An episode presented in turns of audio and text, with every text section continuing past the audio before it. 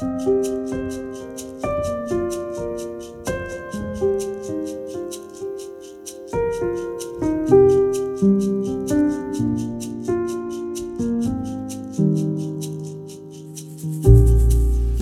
jeg at Gud ble et menneske, og at dette mennesket døde, men lever i dag? Dette er Thomas-spørsmålet. Finnes det egentlig noe viktigere spørsmål? Thomas, en av de tolv, han som ble kalt Tvillingen, var ikke sammen med de andre disiplene da Jesus kom. Vi har sett Herren, sa de til ham. Men han sa, Dersom jeg ikke får se naglemerkene i hendene hans, og får legge fingeren i dem og stikke hånden i siden hans, kan jeg ikke tro. Åtte dager senere var disiplene igjen samlet, og Thomas var sammen med dem. Da kom Jesus mens dørene var lukket. Han sto midt iblant dem og sa, Fred være med dere. Så sier han til Thomas, Kom med fingeren din, se, her er hendene mine. Kom med hånden og stikk den i siden min, og vær ikke vantro, men troende. Min Herre og min Gud, sa Thomas da. Jesus sier til ham, Fordi du har sett meg, tror du. Salige er de som ikke ser og likevel tror. Jesus gjorde også mange andre tegn for øynene på disiplene, tegn som det ikke er skrevet om i denne boken, men disse er skrevet ned, for at dere skal tro at Jesus er Messias, Guds sønn, og for at dere ved troen skal ha liv i Hans navn. Johannes evangeliet, kapittel 20. De få biografiske opplysningene vi har om Thomas, overlater mye til fantasien. I kirkens historie er han blitt fremstilt som den store tvileren. Men det er ingen grunn til å tro at de andre ti gjenværende disiplene tvilte mindre enn Thomas.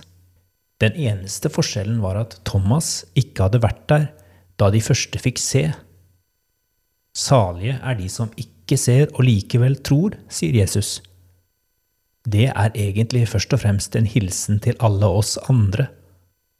Jesus forbereder oss på at vi i stor grad må leve i tro uten å se. Så har disipler til alle tider både trodd og erfart på ulikt vis. Kanskje endret de første disiplenes behov seg også ettersom tiden gikk. Det var like fullt de ytre sansene som var avgjørende redskaper da de først kom til tro på oppstandelsen. Det forteller oss at kropp og sanser i rom og tid er avgjørende berøringsflater mot det hellige og tidløse. Ingen steder i Bibelen fremstilles Gud som en abstrakt kraft, idé eller tanke. Han har åpenbart seg i tid og rom. Det er også der han fortsatt åpenbarer seg, om enn på foreløpig og ufullstendig vis. For i håpet er vi frelst. Et håp vi alt ser oppfylt, er ikke noe håp, sier Paulus i Romerbrevet kapittel 8. Han som selv fikk lov til å se den oppstandende på vei til Damaskus.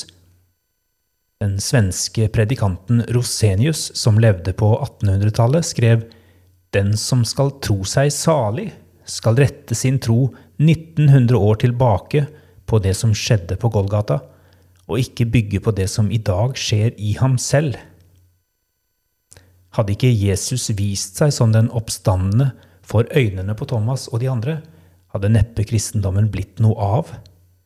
Den hviler på vitners troverdige fortelling om dette vinduet av frelse og håp som åpnet seg i tiden.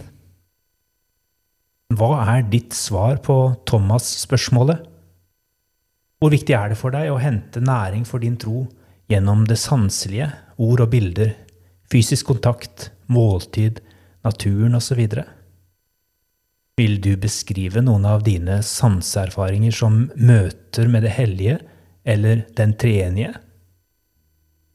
Og hvordan kan troen på Jesus holdes levende også når vi ikke ser og sanser? Jesus, min Herre og min Gud, takk for at du har vist deg for troverdige vitner, og at jeg får tro meg salig, også om jeg ikke ser deg.